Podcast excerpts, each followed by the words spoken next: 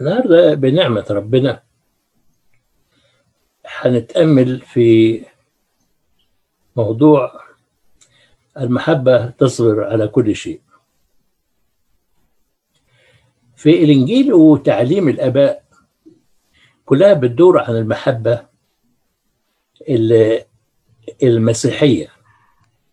المسيحية أصلا قايمة على المحبة. المسيحية مش ديانة. يعني في البعض بيقول الديانة المسيحية المسيحية مش ديانة. المسيحية حياة وسلوك والسلوك متصم متسم بالمحبة لأنه الله محبة بيقول معلمنا بولس الرسول إن كنت أتكلم بألسنة الناس والملائكة ولكن ليس لي محبة فقد صرت نحاسا يطن أو صنجا يرن. وإن كانت لي نبوة وأعلم جميع الأسرار وكل علم وإن كان لي كل الإيمان حتى أنقل الجبال ولكن ليس لي محبة فلست شيئا. وإن أطعمت كل أموالي وإن سلمت كل جسدي حتى احترق ولكن ليس لي محبة فلا أنتفع شيء. وجه بيكمل؟ بيقول المحبة تتأنى وترفق المحبة لا تحسد المحبة لا تتفاخر ولا تنتفخ ولا تقبح ولا تطلب ما لنفسها ولا تحسد ولا تظن السوء ولا تفرح بالاسم بل تفرح بالحق وتحتمل كل شيء وتصدق كل شيء وترجو كل شيء وتصبر على كل شيء. وبعد كده بيجي يقول في الآخر المحبة لا تسقط أبدا.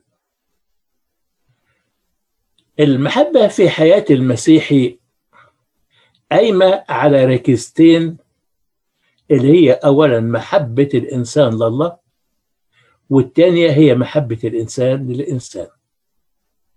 وهما الاثنين مرتبطين ببعض جدا. الركيزة الأولى اللي هي محبة الله لأنه بينبثق منها كل الفضائل. بيقول معلمنا يوحنا البشير في رسالته الأولى أيها الأحباء لنحب بعضنا بعضا لأن المحبة هي من الله. وكل من يحب فقد ولد من الله. ويعرف الله. ومن لا يحب لم يعرف الله لأن الله محبة. لو اتكلمنا عن محبة الله العمر كله لا يكفي. لكن هنتكلم النهاردة بنعمة ربنا عن الركيزة الثانية اللي هي محبة الإنسان للإنسان. أو بالتحديد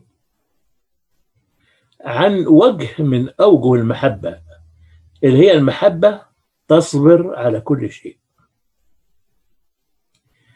الكتاب المقدس لما بيقول المحبة تصبر على كل شيء كلمة تصبر في الأصل اليوناني للإنجيل جاية بلفظين. اللفظ الأول μακροθυμέω باليونانية والتاني جاي ب ὑπομένω الأول μακροθυμέω باليوناني تشير إلى رد فعل الإنسان من ناحية الصبر تجاه الآخرين. يعني رد فعل الإنسان تجاه الأمور المثيرة للغضب اللي ممكن تصدر من الآخرين نحوي أو نحو أي إنسان. التعبير الثاني الهوبومينو تعني رد فعل الإنسان من ناحية الصبر تجاه الظروف الصعبة اللي ممكن يواجهها الإنسان. صعوبات مشاكل أمراض أوبئة إلى آخره. أولا المحبة تصبر على الآخر اللي ممكن يسيء له إما بصفته الشخصية أو فيما يختص بأمور خاصة به يسيء له أو يسيء لعيلته يسيء له في معتقده في رأيه في كنيسته في ديانته إلى آخره. علامة المسيحي هي المحبة والمحبة تصبر على كل شيء. لكن في نوعين من الصبر الصبر الشكلي والصبر القلبي. الصبر الشكلي إنه الإنسان ما يردش على الاساءه ما يقومش برد فعل عدائي للمسيء إليه لكن بيكون بيغلي من جوه ويكون كاره للمسيء ويتمنى له الشر. زي ما بيقولوا في الأمثال العالمية اصبر على جار السوء مش صبر لوجه الله لا يا يرحل يا تجيله مصيبة. يبقى صابر لكن من جوه بيغلي أو في نوع من الكراهية. الآخرين بيسموا في الناس التانيين بيسموا السلوك ده في عقيدتهم الكاظمين الغيظ. كاظمين يعني آه يعني كاتمين الغيظ لكن موجود في قلبهم. الصبر في هذه الحالة ممكن يعتبر فضيلة اجتماعية لكن مش مسيحية. الفضائل المسيحية هي ثمار من ثمار الروح الروح القدس. بيمتلئ بيها قلب الإنسان المسيحي زي الغصن الثابت في الشجرة يمتلئ من الثمر اللي من طبيعة الشجرة. والشجرة هي الله والله محبة. أولاد الله بيكونوا قلبهم مليان. من محبة ربنا. وبالتالي ما فيش في قلوبهم مكان للكراهية والحقد مش ممكن واحد ربنا مالي قلبه ويكره ولا يتمنى الشر للآخر مهما أساء له لأن المحبة من الله والغيظ أو الكره من الشيطان ولا يجتمع النور مع الظلم. القديس الأنبا بيقول إيه؟ القديس الأنبا بخوميوس بيقول إذا أكمل الإنسان جميع الحسنات وفي قلبه حقد على أخيه فهو غريب عن الله. الإنسان المسيحي لو افتكر دايما محبة وصبر ربنا عليه رغم أخطائه الكثيرة والخطية هي إساءة لربنا. لكنه بيصبر على إساءاتنا الكثيرة في شكل خطايانا اللي ما بيصبرش على إساءات أخوه الإنسان زي ما ربنا صابر علينا وياما ياما صبر علينا. بيبقى مثل العبد الشرير. فاكرين مثل العبد الشرير اللي السيد المسيح ضربه؟ الوارد في الإصحاح ال 18 بالإنجيل حسب معلمنا متى؟ نفكر نفسنا بيه. بيقول السيد المسيح يشبه ملكوت السماوات إنسانا ملكا أراد أن يحاسب عبيده. فابتدأ بواحد مديون بعشر تلاف وزنة. وما كانش مع العبد ما يوفي به فأمر سيده أنه يباع العبد هو وامراته وأولاده وكل ما له ويوفي الدين. العبد سجد لسيده وترجاه إنه يمهله يعني يصبر عليه. يصبر عليه.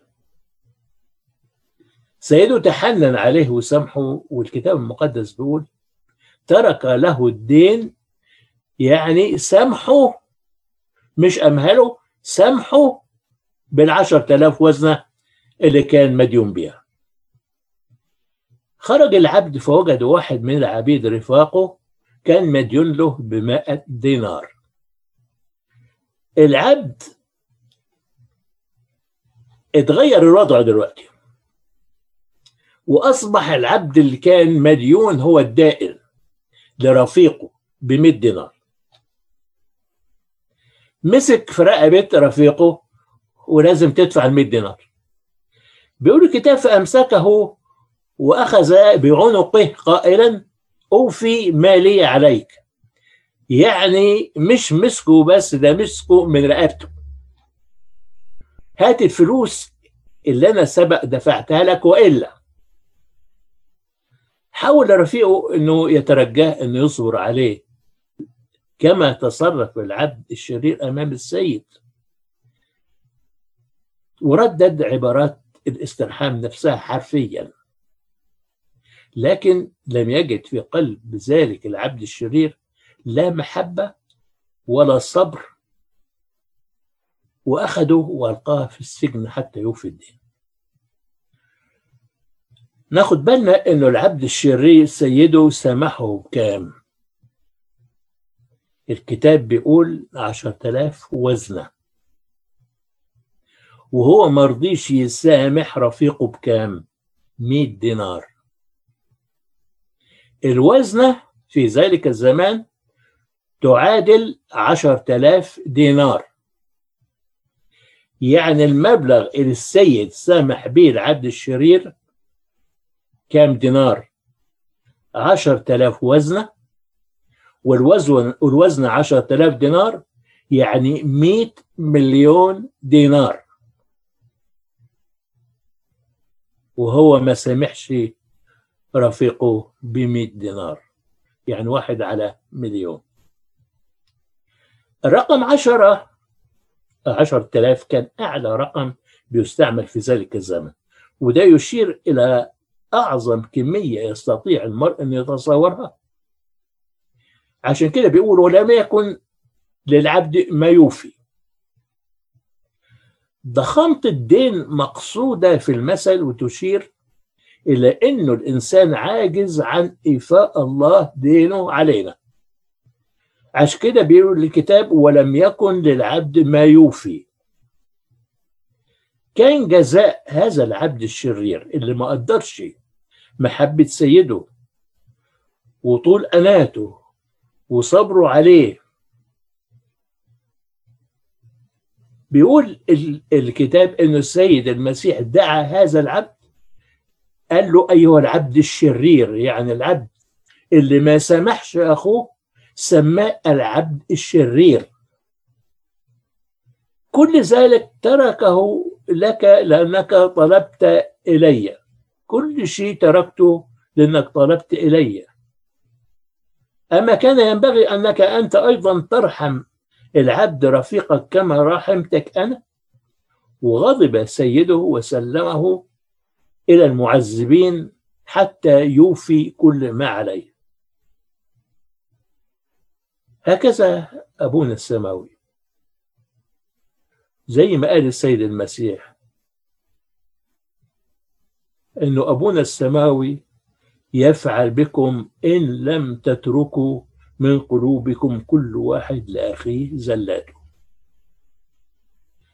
المثل ده بيحكس تصرف بعض البشر بعضهم تجاه بعضهم في حين أن الله بيمهل ويتغاضى عن كثرة الخطايا لكن البعض لا يصبر على الآخر ولا يمهله ولا يسامحه.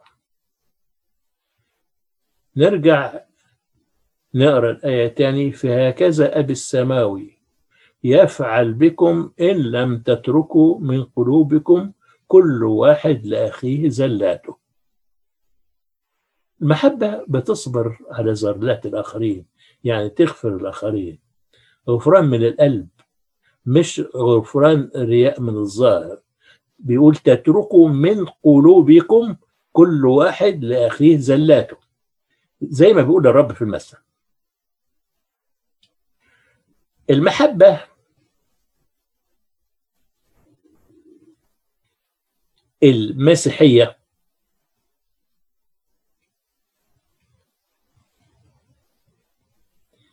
اللي بتصبر في المفهوم المسيحي. هي غفران من القلب هي تناسي تام للإساءة. قبول غير مشروط للآخر. المغفرة الآخرين دي ركن أساسي في علاقتنا مع ربنا. هي عتبة الصلاة ومدخلها وأساسها. بيقول الرب يسوع ومتى وقفتم تصلون؟ فاغفروا إن كان لكم على أحد شيء لكي يغفر لكم أيضا أبوكم الذي في السماوات زلاتكم. وإن لم تغفروا أنتم لا يغفر أبوكم الذي في السماوات أيضا زلاتكم. لما بنصلي في الصلاة الربانية أبانا الذي في السماوات بنطلب من ربنا إن هو يغفر لنا زلاتنا وبنقول كما نغفر نحن أيضا للمذنبين إلينا. كما دي كلمة خطيرة جدا. كما يعني زي. يعني بنطلب من ربنا إن هو يعاملنا زي ما بنعامل المذنبين إلينا. بنغفر هيغفر. ما بنغفرش مش هيغفر. كما. لو واحد قال صعبة إن أنا أغفر للمسيء ليا يبقى خلاص ما تنتظرش إن هو يغفر لك. ده كلامه اللي السماء والأرض تزولين لكن كلامه لا يزول. إن لم تغفروا أنتم لا يغفر لكم أبوكم السماوي أيضا. المثل ده مثل العبد الشرير. قالوا السيد المسيح بعد سؤال سأله بطرس للسيد المسيح.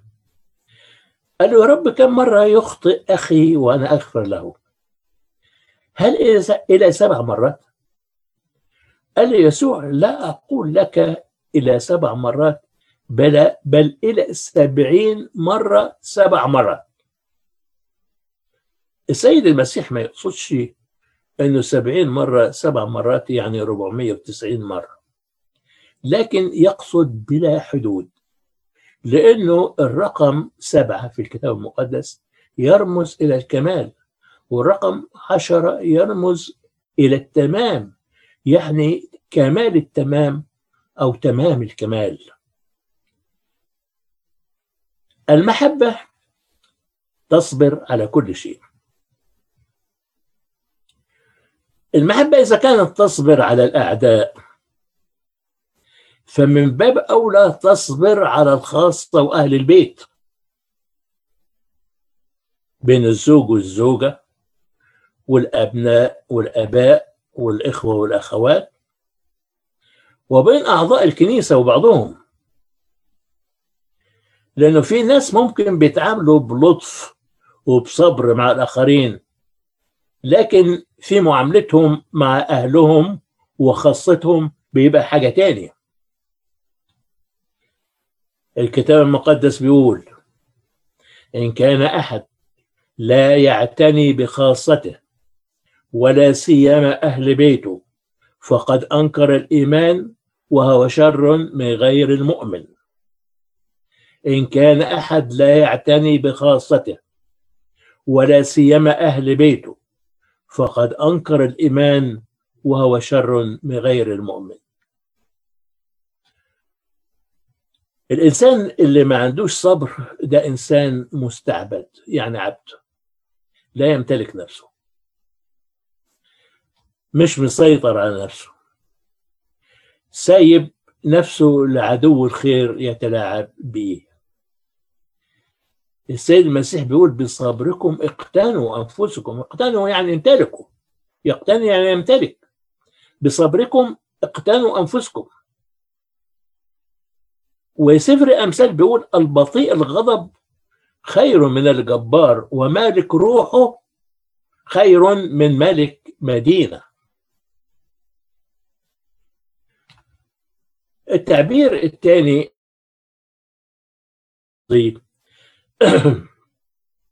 للكتاب المقدس عن كلمة تصبر. في المحبة تصبر على كل شيء. زي ما قلنا هي كلمة هوبومينو باليونانية. تعني ردة فعل الإنسان نحو الصعوبات والمشاكل والضيقات اللي بتواجهنا اللي إحنا بنسميها التجارب. المحبة تصبر على كل شيء. الإنسان اللي بيحب ربنا بيصبر على كل شيء. كل شيء بيسمح به ربنا خصوصا الأمور الصعبة أو المؤلمة. حاسبين أن كل الأشياء تعمل معا للخير للذين يحبون الله.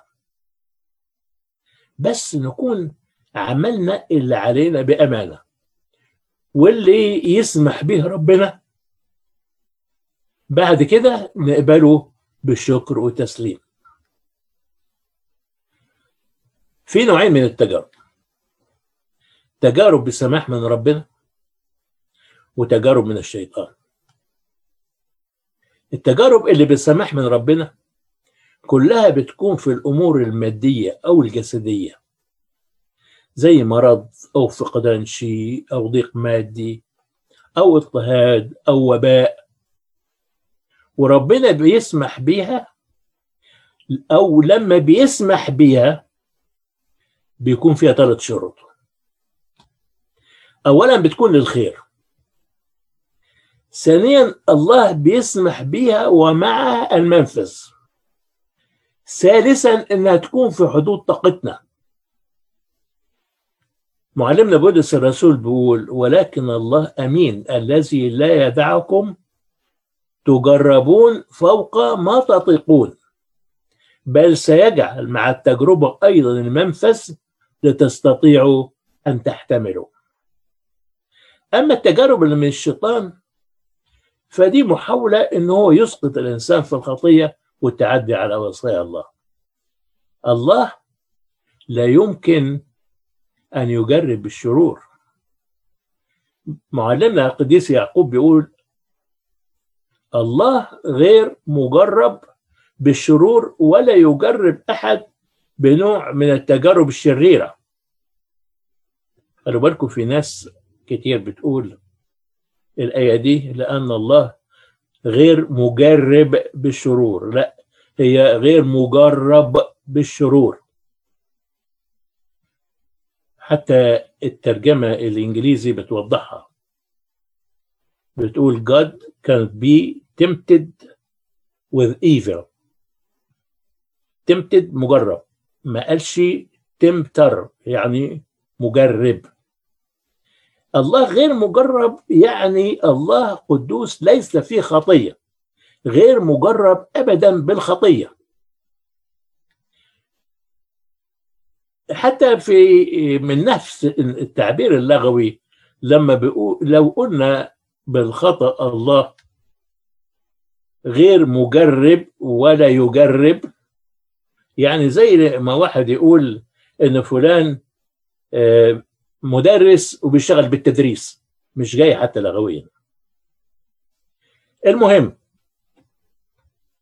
لما ربنا يسوع علمنا نصلي قال لنا إن إحنا نقول ولا تدخلنا في تجربة.